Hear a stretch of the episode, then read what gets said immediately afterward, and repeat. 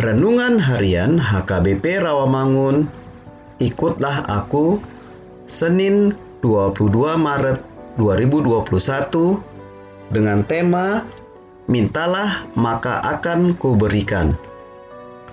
Bacaan kita pagi ini tertulis di dalam Yesaya pasal 43 ayat 8 sampai 13 dan bacaan kita malam ini tertulis di dalam 2 Korintus pasal 3 ayat 4 sampai 11.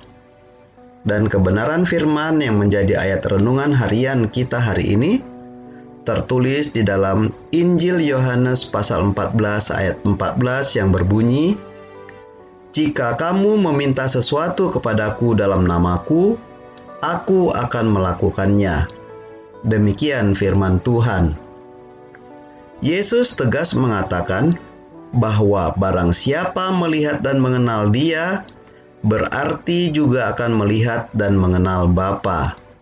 Mengapa demikian?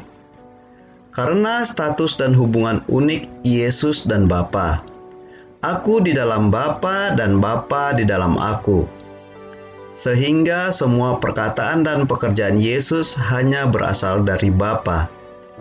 Bukti bahwa Ia dan Bapa adalah satu yaitu pekerjaan yang Yesus lakukan adalah pekerjaan Bapa.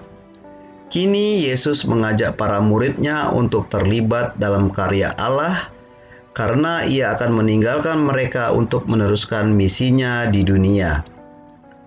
Ia menjanjikan bahwa mereka akan melakukan pekerjaan yang lebih besar daripada pekerjaannya. Dalam hal apa pekerjaan para murid akan lebih besar? Pertama, dari segi waktu, pelayanan Yesus hanya berlangsung kurang lebih tiga tahun. Sedangkan para murid memiliki waktu lebih lama. Para murid akan meneruskan pelayanannya ini kepada generasi berikutnya.